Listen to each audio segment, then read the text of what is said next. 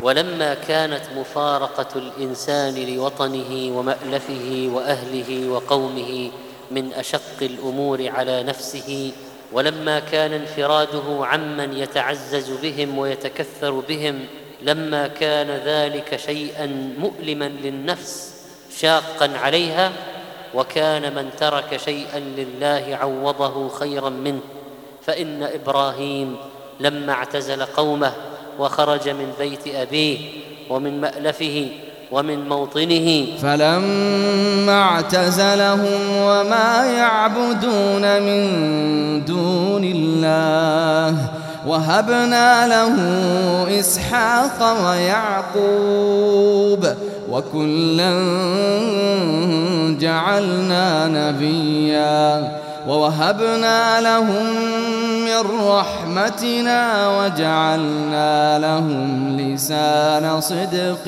عليا. إذن جاء الخير. من ترك شيئا لله عوضه الله خيرا منه. لما اعتزلهم وما يعبدون من دون الله وهبنا له إسحاق ويعقوب وكلا جعلنا نبيا. ووهبنا لهم أي لإبراهيم وبنيه من رحمتنا من العلوم النافعة والأعمال الصالحة والذرية الكثيرة المنتشرة وفيهم أنبياء وصالحون وعلماء ومجاهدون وقادة في الخير وأئمة وجعلنا لهم لسان صدق عليا.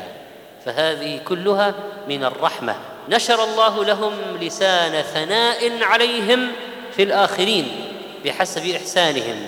نشر الله ذكرهم الحسن. بين العالمين فملأ ذكره ذكرهم الخافقين وطبق الأرض الثناء عليهم ومحبتهم.